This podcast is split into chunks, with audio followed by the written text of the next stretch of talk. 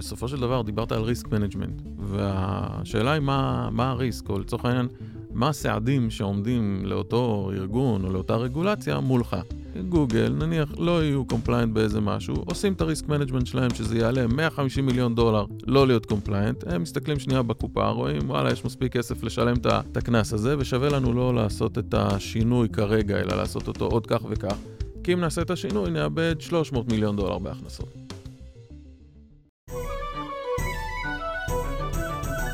ברוכים הבאים לניהול מוצר גרסת הבמאי, בוקר טוב אייר. בוקר טוב, בני. בוקר טוב שלומית. בוקר טוב. ובוקר טוב לאורח שלנו, תציג את עצמך קצת. בוקר טוב, יובל מנדלסון, director of product בחברה נחמדה שנקראת Rewire.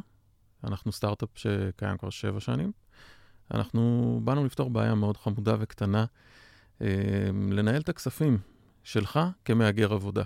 אז אם אתה בישראל או אם אתה באירופה, כדאי מאוד שתבדוק את Rewire. אז היום אנחנו כרגיל באולפן של גוגל פור סטארט-אפ, שנותנים אותו אולפן, ואנחנו הולכים לדבר על רגולציה. נשמע קצת uh, תחום uh, משעמם, לא? חס ושלום. זה רק 50 גוונים של אפור. מה זה רגולציה?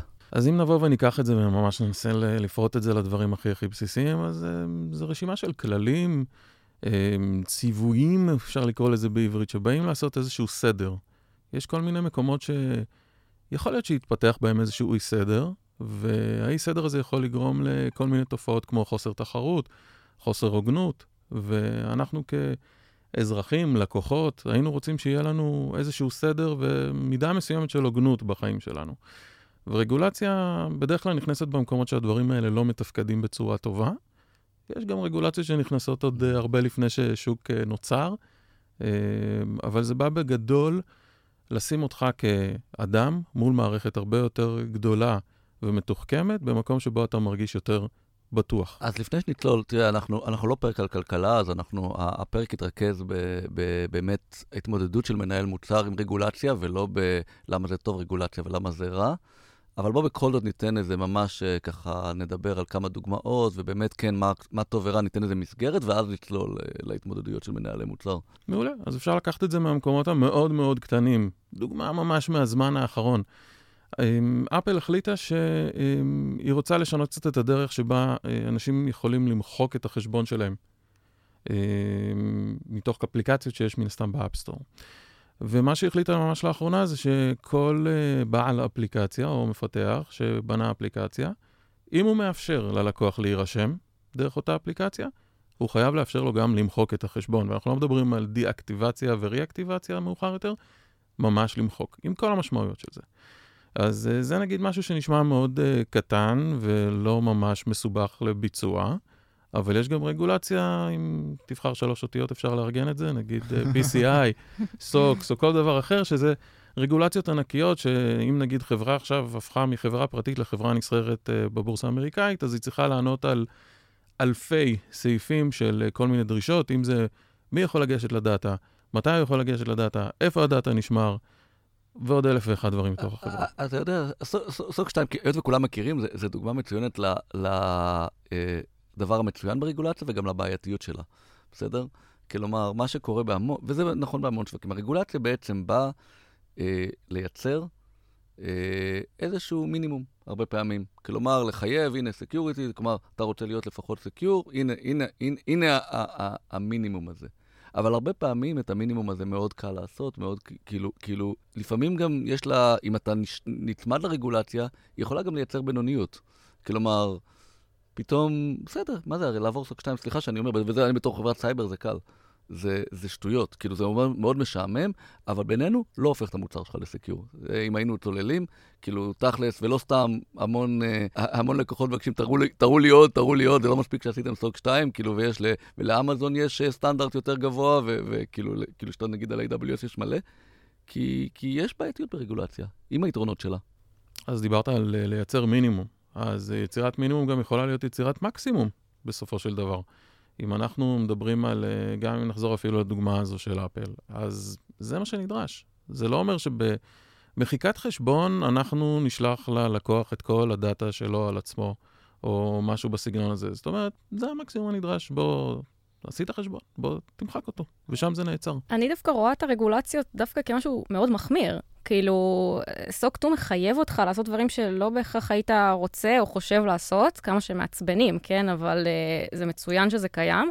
וגם רגולציות אחרות, כן? אני מדבר על uh, PCI וכולי, דווקא בעיניי זה... אה, זה החמרה, וזה זה דבר זה חיובי מאוד. שהוא קיים. זה, זה דבר חיובי מאוד, אבל זה כן. החמרה למי שלא מחפש security, בסדר? כלומר, מי שלא היה רוצה לעשות כלום זה אחלה, זה דבר מצוין, זה מחייב חברות להיכנס, אבל בסוף כשאת נכנסת פנימה, זה לא מספיק.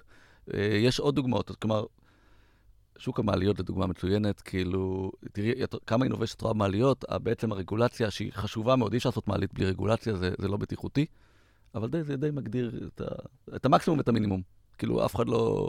אבל זה בדיוק, ה... אני חושב, העניינים של כלכלה ורגולציה, שלשם אמרת לא להיכנס. נכון. אמרנו, חמש דקות, אנחנו נותנים חמש דקות. כן. אז נשארו עוד 30 שניות, אני יכול לקחת אותם? כן. מעולה.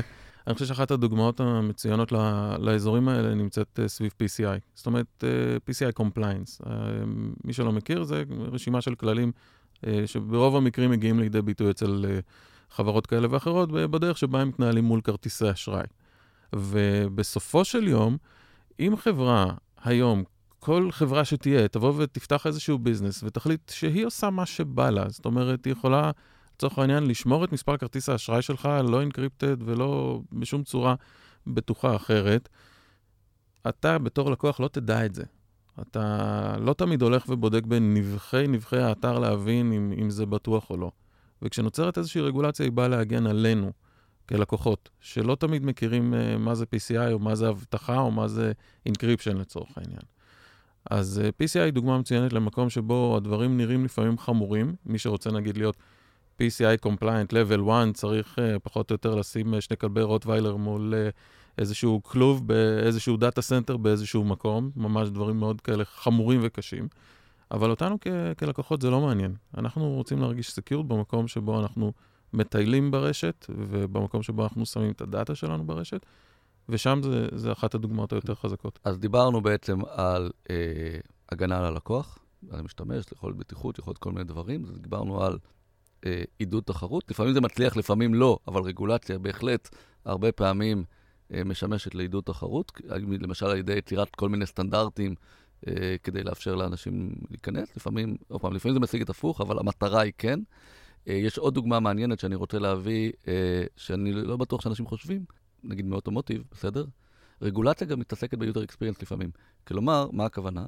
נכון, באוטומוטיב רוב רגולציה, בעל בטיחות וכולי, אבל תחשבו על זה שאתם נכנסים לאוטו, ואתם ישר יודעים לנהוג. כלומר, רגולציה בעצם אומרת, אוקיי, אני אשים לכם דברים שאתם מוכרים, אוקיי?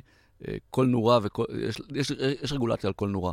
איך היא, כמה היא קרובה, כמה רחוקה, באיזה צבע, מה שמאפשר לך, אוקיי, אתה לא צריך לחשוב, אתה יכול לנהוג. יש לך גם רגולציה בשביל uh, להיכנס לשווקים חדשים או לזכות בלקוחות חדשים, כמו למשל מי שרוצה לעבוד באירופה, הרבה פעמים הוא צריך לעשות GDPR, או למשל אני רוצה לעבוד עם ארגון enterprise, אז אני צריך להיות SOC 2 compliant.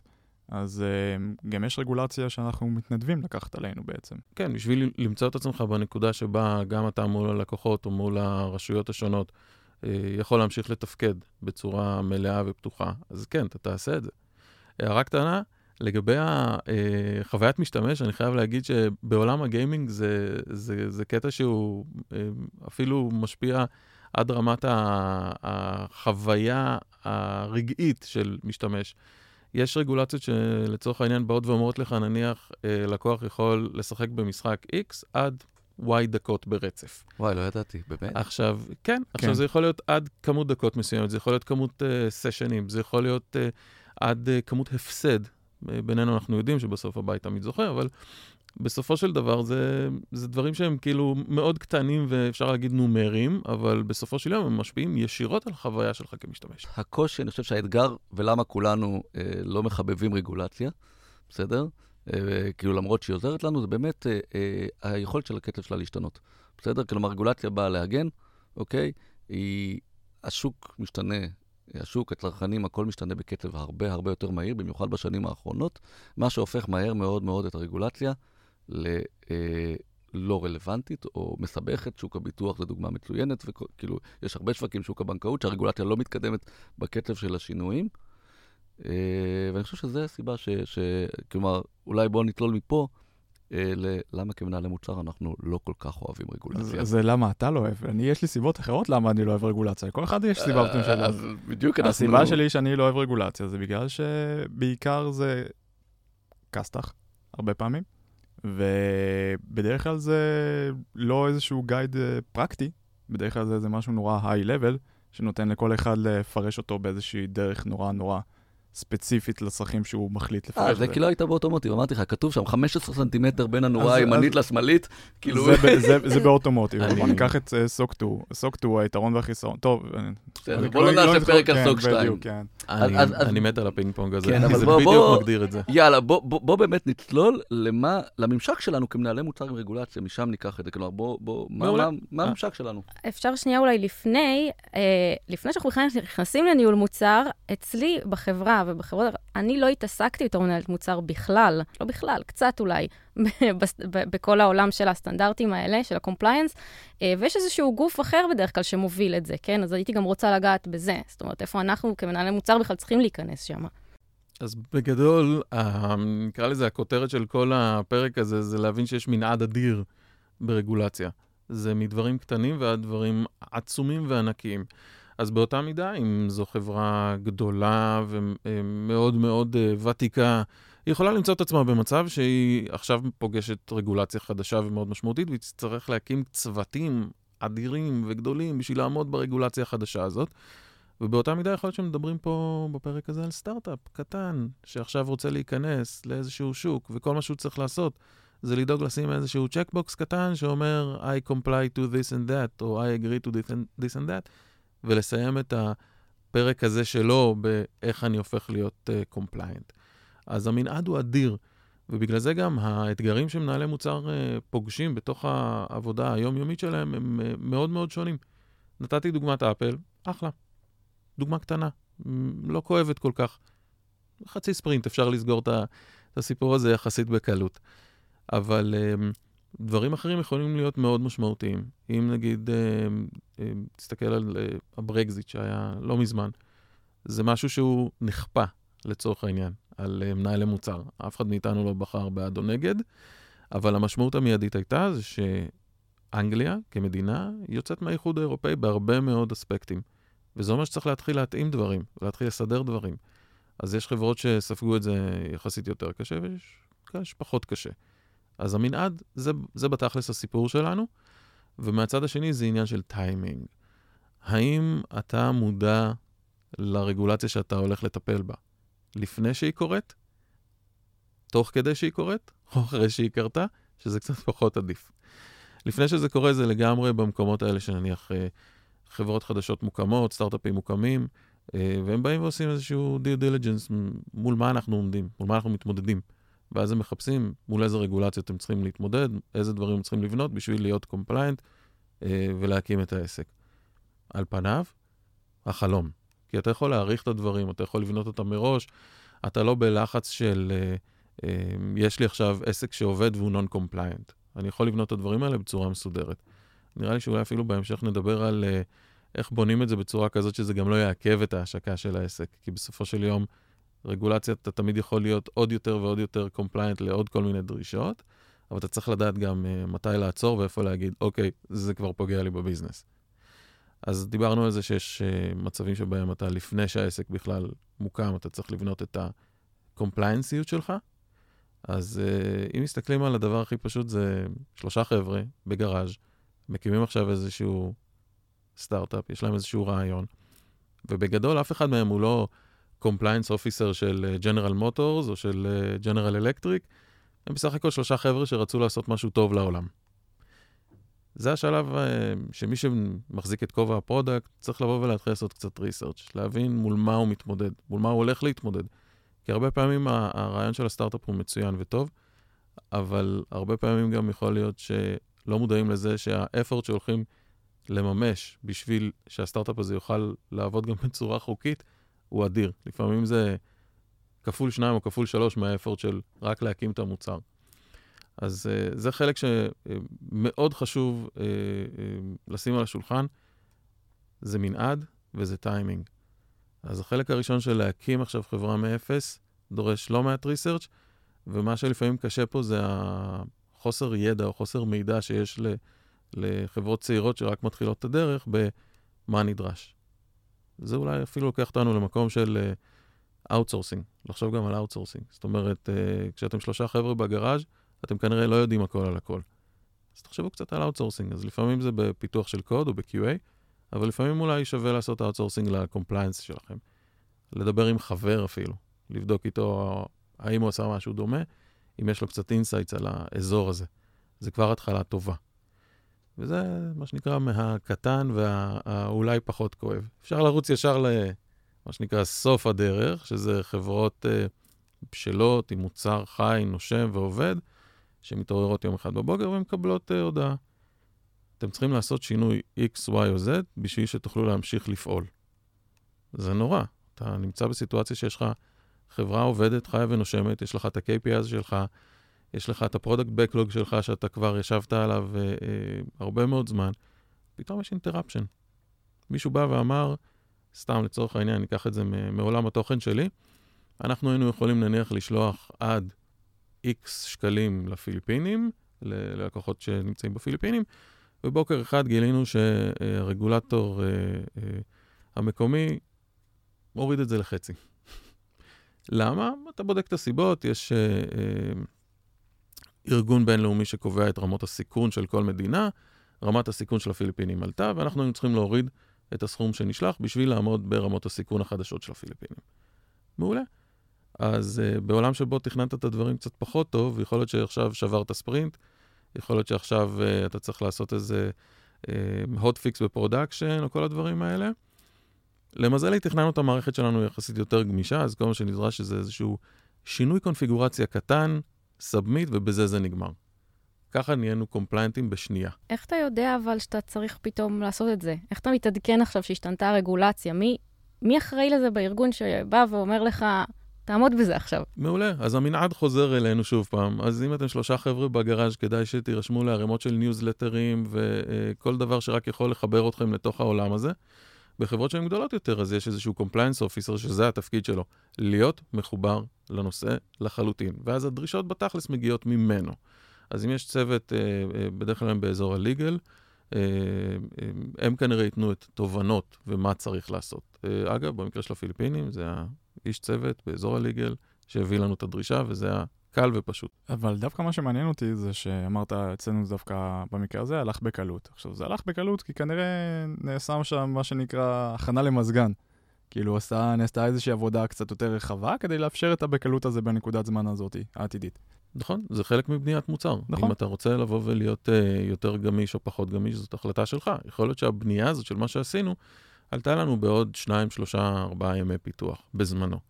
אז זה בדיוק האתגר, כי אנחנו בתור מנהלי מוצר, אנחנו הרבה פעמים, אנחנו לא יודעים עד כמה הרגולציה היא גמישה או לא גמישה, ואז אנחנו לא יודעים שווה לנו להשקיע. עכשיו, אצלך זה היה שלושה ארבעה ימים, אבל זה גם לפעמים יכול להיות, כדי לייצר את הגמישות הזאת, חודש עבודה.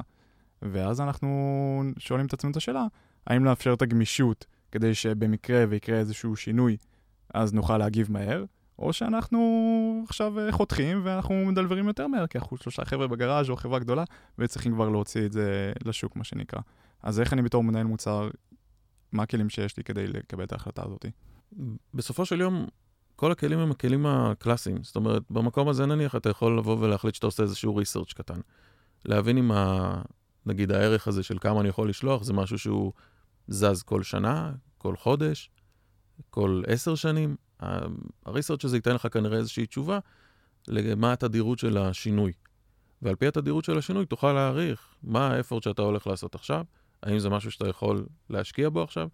יכול להיות שתגיד שזה קורה פעם בשנה, אז אתה תשים את זה בבקלוג שלך לעוד קווטר אה, או שניים, תממש את זה אז, אבל כרגע תענה לשינוי הנדרש באופן מיידי, על ידי כמה שעות פיתוח או יום פיתוח, ותעשה את העבודה. באמת נגענו, רגולציה זה המון סביב risk management. כלומר, יש פה בעצם, הזכרת risk management אחד, אני, בוא אני אבין איך השוק עובד ברגולציה, בסדר? ואז אני אחליט uh, כמה, כמה להשקיע ב, ב, ב, כלפי העתיד.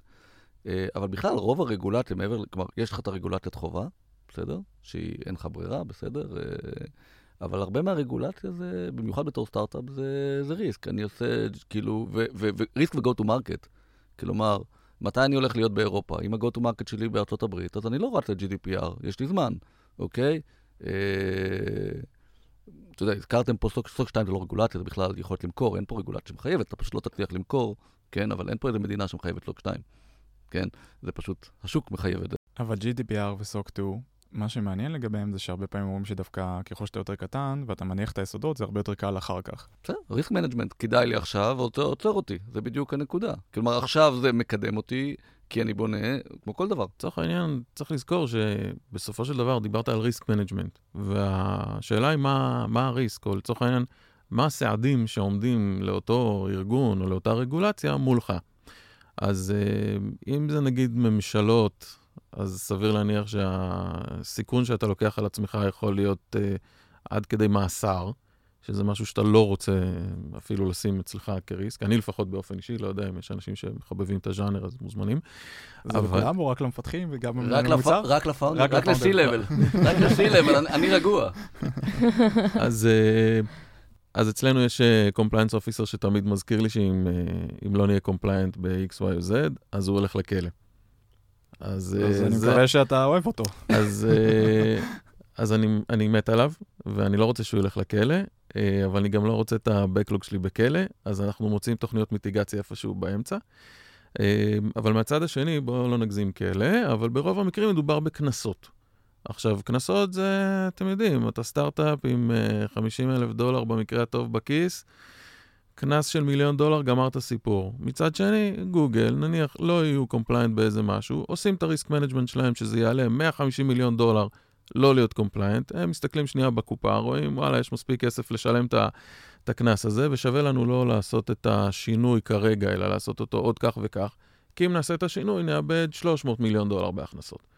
אז זו שאלה של risk אה, management בסופו של דבר שהיא מאוד אישית. כשגם בסטארט-אפ, שאתה שואל את זה, אוקיי, כאילו עוד פעם, ואני מדבר ברגולציה הרכה, כי ברור שברגולציה קשה, כאילו אתה לא תיקח סיכונים, אבל אני לא על הכוונת של אף אחד. כלומר, יכול להיות שאם אני אאחר בחודשיים, אף אחד לא הולך לתבוע אותי, אז, אז זה הכל risk management. נכון, וגם השאלה, מתי תעלה על הכוונת? כן. אם נגיד תרגיז איזה אה, מתחרה גדול בזה שתעשה משהו שלא יודע, יהיה לך איזשהו offering חללי ו- ומגניב, ומשהו ממש קיצוני, ואז תעלה על הכוונת של איזושהי חברה גדולה, אז הרי די מהר אה, תקבל איזשהו season disease.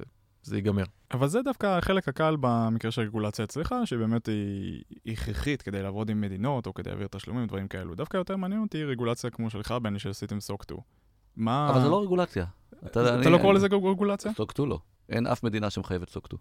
GDPR כן. אבל בהגדרה של רגולציה אמרנו שזה גם דברים שהם... אה, לא, רגולציה בהגדרה זה מדינה. סוק טו זה סטנדרט. אוקיי. אני... עוד פעם, אפשר להרחיב את הפרק, הכל בסדר. אז אנחנו מבחינתנו שאנחנו רגולציה זה בלי כל הדברים כאילו מסביב, זה רק מה שחובה. אפשר להגדיר את זה. אני חושב שרגולציה, אתה יודע, רגולציה מוגדרת על ידי מדינות. יש עוד מלא סטנדרטים שאתה צריך לעמוד ביניהם. אז הדוגמה של פייסבוק או אפל, זה גם, זה לא דוגמה של מדינה, זה דוגמה של אה, לגמרי של חברה שאתה לוקח על עצמך איזשהו סטנדרט כזה שתוכל לעבוד בתוך ה market place שלהם. אז לא הייתי קורא לזה רגולציה, אבל יאללה, הרחבנו את לא, המושג. אבל, אבל אני מסכים עם זה, כי אם אני באמת מפתח איזושהי אפליקציה שאמורה לעבוד ב... לא יודע, אמ, באפל, אז הרגולציה שלהם מבחינתי היא הכרחית. כמו שרגולציה כן. של כרטיסי אשראי, אם אני, אם אני אחראי על העברות תשלומים. זו רגולציה מניעתית, אפשר לקרוא לזה. כן. זאת אומרת, אם אתה כארגון גדול כמו פייסבוק או גוגל לא תייצר את המנגנונים האלה, כנראה שמישהו יכפה את זה עליך. אני חושב שדווקא PCI זה דוגמה קלאסית, זה ארגון uh, Payment Card Institution, אני חושב שזה PCI, ומי הם שני הגופים הגדולים שהקימו את הארגון הנחמד הזה שנקרא PCI? אמריקן אקספרס ו... ויזה ומאסטרקארד. מאסטרקארד, כן. כן, כן. אז uh, הם הבינו שאם הם לא ימצאו את עצמם בנקודה שבה הם מייצרים לעצמם את הרגולציה, מישהו ידאג לעשות את זה בשבילם. אז כנ"ל, פייסבוק, גוגל מבינים טוב מאוד שאם הם לא יתייחסו ל privacy ולדאטה בצורה מספיק מכובדת, מישהו ידאג לעשות את זה בשבילם. אז בסדר, אז הרחבנו, compliance באופן כללי. אז, אז נחזור, אז עכשיו שאנחנו הרחבנו את compliance באופן כללי, אז מתי היה בעצם הנקודה שהחלטתם שאתם צריכים כן להתחיל תהליך של SOC 2? ברגע שהבנו שאנחנו לא נזכה במכרזים. כלומר, כשאתה מתחיל ללכת עם הגדולים, בסדר? ואתה מבין שאתה לא תזכה במכרזים, בסדר? אוקיי? אז אתה, אה, אין לך ברירה. בסדר? זה די בשנה שנייה בערך, כן? שנה ראשונה עוד אתה, אתה זה, שנה שנייה. דרך אגב, עכשיו אנחנו מוסיפים, אה, אה, אפרופו, זה עוד פעם, לאט לאט אתה מוסיף עוד, כי אתה יכול ל SOC שתיים, אבל אם יהיה לך אה, ISO 27001, אז יותר קל לך. אתה יודע, כאילו, יש, לאט לאט אתה מוסיף סטנד- סטנדרטים, כי זה, זה עניין של להקל עליך את המכירות. האם ה business הנחית את זה עליך, או שהאם זה תועדף? לא, זה תועדף. עוד פעם, אבל, אבל יש דיון, אה, זה, זה, זה, זה, זה לגמרי דיון, ואני יכול להגיד לך שעל ה-27001 אנחנו מדברים על זה כבר שנתיים.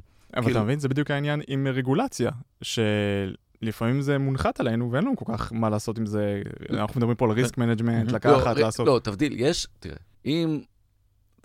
תראה, בגלל זה אמרתי שיש כן הבדל בין compliance לרגולציה. בסדר? כלומר, לצורך העניין, ברגע שהחלטנו להיכנס לשוק האירופאי, GDPR זה הנחתה. בסדר? אני חייב. אומר, SOC 2 יש פה, יש פה, הוא, הוא, הוא, אני, זה בחירה של כמה עסקאות אני אפסיד אם אני לא אשים. עכשיו, אני אגיד לך, עזוב, לא SOC 2 ולא זה, אני, הסטנדרטים שלי, אני חברת סייבר, בסדר? אני עושה security פי 10 מהסטנדרטים האלה, בסדר? הם לא, הם, הם לא מחזיקים לי את מה שאני צריך, אני לא יכול לקחת סיכון, בסדר? אה, אז, אז זה לא משנה מה הם אומרים. אבל, אבל יש הבדל בין החלטה, משהו שהוא ביזנסי למשהו שהוא מונחת, כי אתה חייב להיכנס לשוק הזה. שימו לב שגם גם SOC 2 וגם ISO, אה, זה לא מתייחס גם רק לדברים שקשורים למוצר. זאת אומרת, זה דברים ש... זה תהליכים בכל החברה. נכון. זאת אומרת, כאשר חברה באה לעשות, ואגב, סטארט-אפים באמת היום, ממה שאני אה, מכירה, ממש מההתחלה כבר אה, מכניסים את עצמם לזה, כמו שאמרתם קודם, אה, לעשות את זה כמה שיותר מהר שלא יהיה קשה אחר כך. אה, זה הרבה תהליכים שהם בכלל לא מוצריים. זה הרבה תהליכים בחברה, לראות שבכלל יש תהליכי עבודה בחברה. אה, ופה נכנס נקודה של אה, איפה בכלל מנהל מוצר נכנס פה, והאם מנחיתים את זה עליי או לא. אני אוסיף, יש למשל, בחלק מהמקומות, למשל, שיהיה לך קוד אה, נעילה, או שכל מי שנכנס לך למשרדים, הוא עכשיו עובר זיהוי, זה, זה חלק מהרגול... מהרגולציה, בדיוק. אז איך זה עובד עלינו בתור מנהלי מוצר? אז, אז, אז אני אכנס ל, ל, לנקודה שאני, את יודעת, שאני מאוד אוהב, שאיפה מנהל מוצר צריך להיות מעורב. כן, קודם כל, באידיאל, עדיף זה לא יהיה מובל על ידי ניהול המוצר בחברה. כלומר, אני כבר הובלתי כאלה תהליכים כבר כמה פעמים כסטארט-אפ, בסדר? אבל זה לא בדיוק הפורטה של, ניהול, של מנהלי מוצר, להוביל אה, תהליכי רגולציה, במיוחד שם החברה, אבל כן, חייב להיות מעורב ה-CEO או ה-CFO, ברור, בסדר? אבל כן, מה לעשות, חלק, במיוחד ב compliance כזה, חלק משמעותי, משמעותי, משמעותי מהתהליכים שמעורבים זה תהליכי פיתוח. וכן, מה לעשות, פרק אחר, אבל מנהלי מוצר ובטח VP product, אה, חייב להיות אכפת להם מתהליכי פיתוח. בסדר? זה כן, זה בעיה שלנו. זה משפיע על המוצר בצורה כל כך משמעותית. אז עוד פעם, מובילים או, או, מובילים או מעורבים, זה כבר באמת תלוי בחברה, ותמיד אה, אני שמח שיש מישהו אחר שמוביל את זה, כי זה באמת, זה לא, ה, זה לא, זה לא ההתמחות שלי. אבל באמת פה נכנסת הנקודה שזה תלוי בתחום. אני חושבת שבאמת באזורים של הבנקים, מה שיובל uh, מתעסק בו, זה בלתי נמנע. הוא חייב כנראה שאתה חייב uh, לעמוד בזה, אחרת לא יהיה לך מוצר בכלל, זה לא... אז בעיקרון, זה גם. יש דברים שאני יכול להגיד, אני מוכן לקחת את הריסק, ויש דברים שאני לא מוכן לקחת את הריסק. כי אני יודע שאם אני לא אעשה משהו, אז um, יסגרו לי את העסק, לצורך העניין. אבל אם אני יודע שאני לא אעשה משהו ואנחנו חשופים לקנס של uh, 50 אלף דולר על פעילות של שנה, יכול להיות שזה ריסק שניקח, כי זה יניב לנו 2 מיליון דולר בהכנסות ב- בתקופה המקבילה הזאת. שאלה של... אה, סיכון של אה, חברה, מה היא מוכנה לקחת. לנושא ההובלה, שהזכרת קודם, זה משהו שהוא גם כן, הוא מאוד תלוי סיטואציה. זאת אומרת, הובלה של תהליכים גדולים בדרך כלל תבוא מהרבה יותר גבוה, והובלה של שינויים קטנים, אם אנחנו חוזרים שוב פעם לנקודה הזאת, כמו שינוי של אפל שנדרש, זה משהו שבניסיון האישי שלי, אחד מה tech leads אצלנו, עשה לי forward על אחד מהדברים שהוא uh, קיבל מאפל בשוטף, אמר לי, שים לב, זה משהו שצריכים לסיים אותו עד 30 ביוני, אחרת לא נוכל לעשות submit uh, ל version חדש. אוקיי, באותה שנייה, נכנס כאיזשהו uh, user story לבקלוג, ואני יודע שאני צריך לתעדף אותו יותר מאוחר. זה אגב היה בינואר, זה לא כאילו קרה ב-28 ביוני.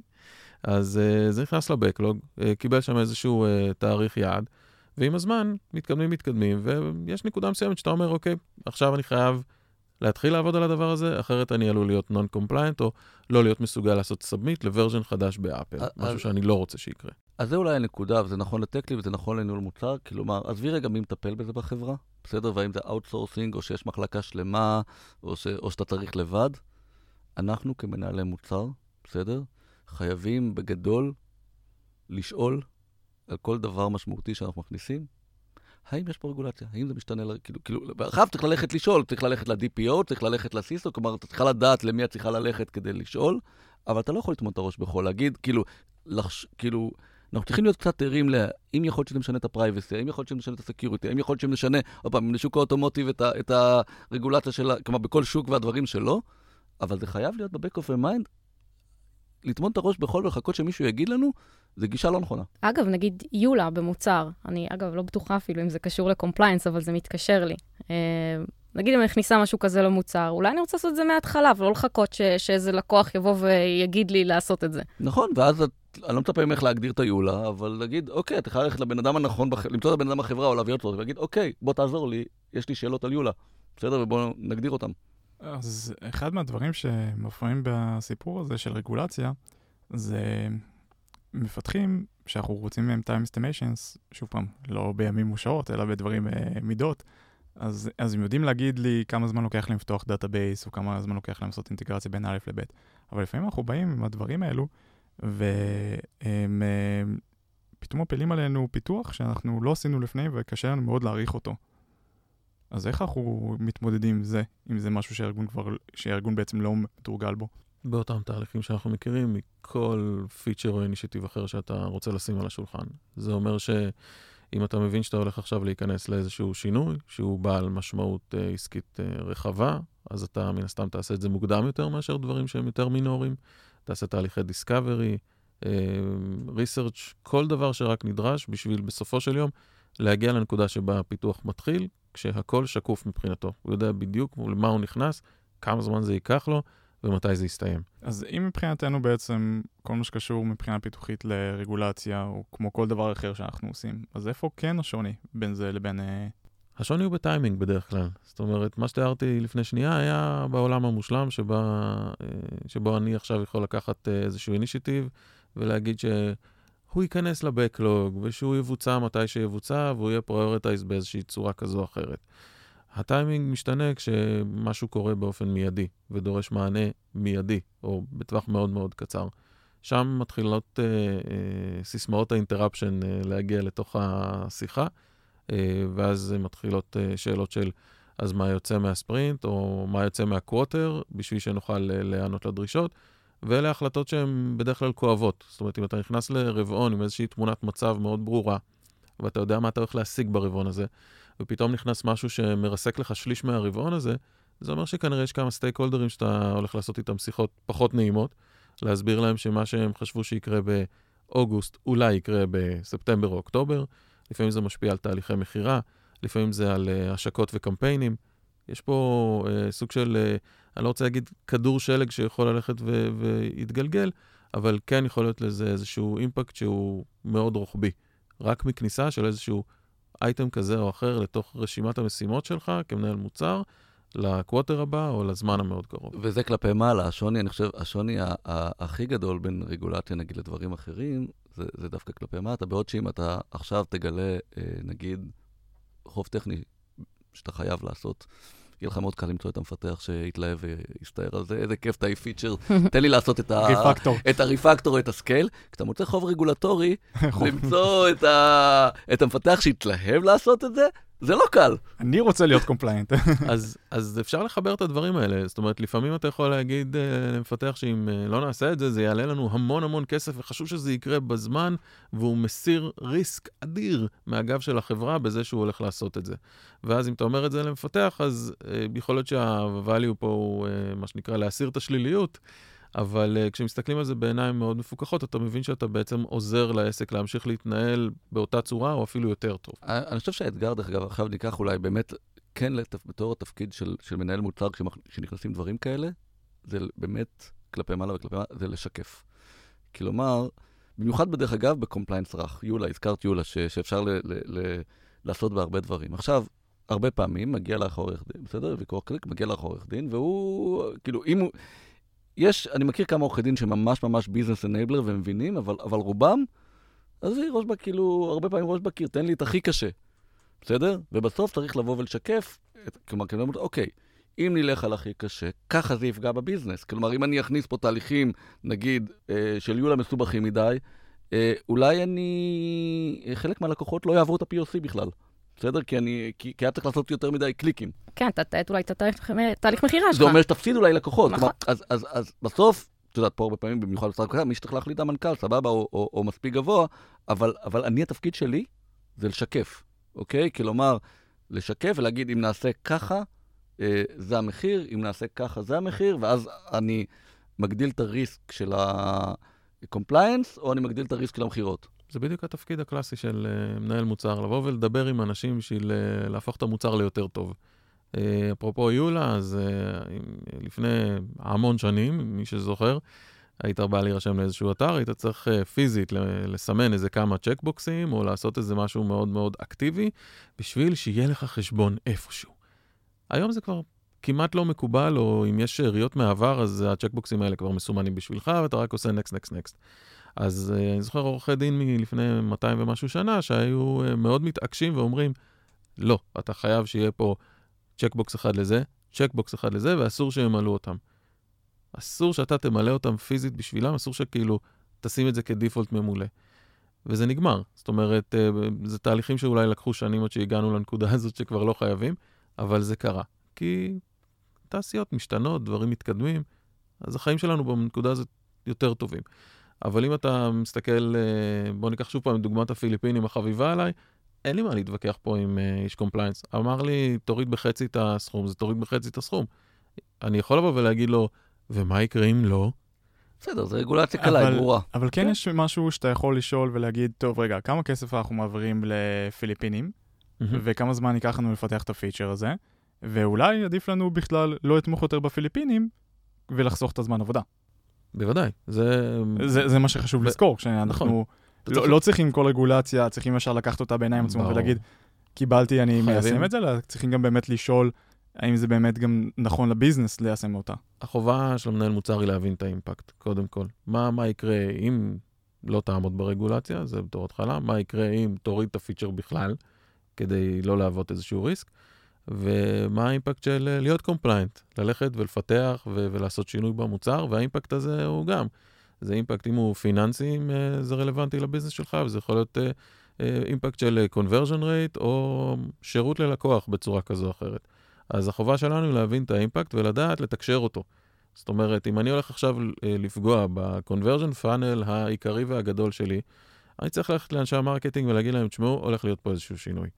אתם צריכים להבין את המשמעות שלו, ויכול להיות שאתם כאנשי marketing אולי צריכים לעשות משהו בקמפיינים שלכם, בשביל שהשינוי הזה יהיה יותר ברור. כי אני, compliance ית, יכול לעשות this much. אם אתם uh, יכולים לסייע לי ובקמפיינים uh, שלכם תעשו יותר הבהרה, או תהיו קצת יותר uh, גרפיים וציוריים ותסבירו על השינוי, זה בסדר. אני, כמנהל מוצר במוצר עצמו, אני לא יכול לעשות יותר מאשר מה שמתואר כאן. הגענו לסיום? כן.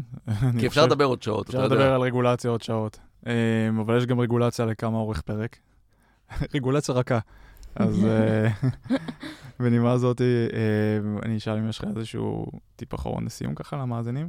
אני חושב שמה שאמרתי וכבר חזרתי כמה פעמים, הנושא הזה שזה מנעד מאוד רחב, וצריך להבין איפה המיקום שלך בתוך המנעד הזה.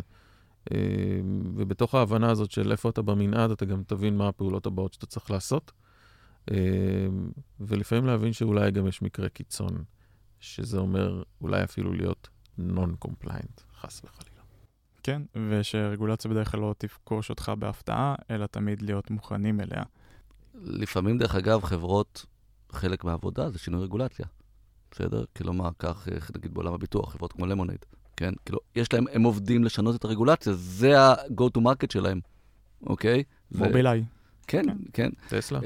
נכון. אני חושב שכאילו, באמת, הרבה מנהלי מוצר שוכחים, במשפט האחרון באמת שוכחים בכלל שצריך רגולציה, אז אני אומר שהטיפ, קודם כל, קח בחשבון, רגולציה צריכה להיות חלק מה roadmap. מי שמתעסק ברגולציה בחברה צריך להיות חלק מה stakeholders שלך, בסדר? כאילו, תתחיל משם, משני הדברים האלה. עכשיו, מה עושים? עוד פעם, כל, כל חברה וכל מנהל מוצר עם ההתמודדויות שלו.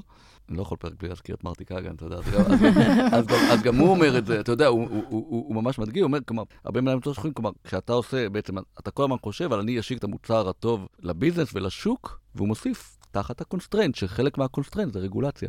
כלומר, זה חלק. מה שאני ככה לקחתי מה, מהשיחה הזו, זה באמת קודם כל לשים לב שאני מסתכלת על זה, מתייחסת כמו שבני אמר, ובאמת זה גם, לא יודעת, אני רוצה להיכנס עכשיו לשוק חדש, אז אני, הנה, עוד היבט שאני, שאני בודקת, שאני מסתכלת. אני רוצה עכשיו לקוחות שהם מתחום הפדרל, משהו, דברים ביטחוניים, פתאום יש שם מלא רגולציות שצריך לקחת בחשבון, וזה לא עניין של הרבה כך. אז uh, עכשיו זה אצלי בראש גם. סבבה. אז uh, יובל, תודה רבה. תודה רבה. ונשתמע בפרק הבא.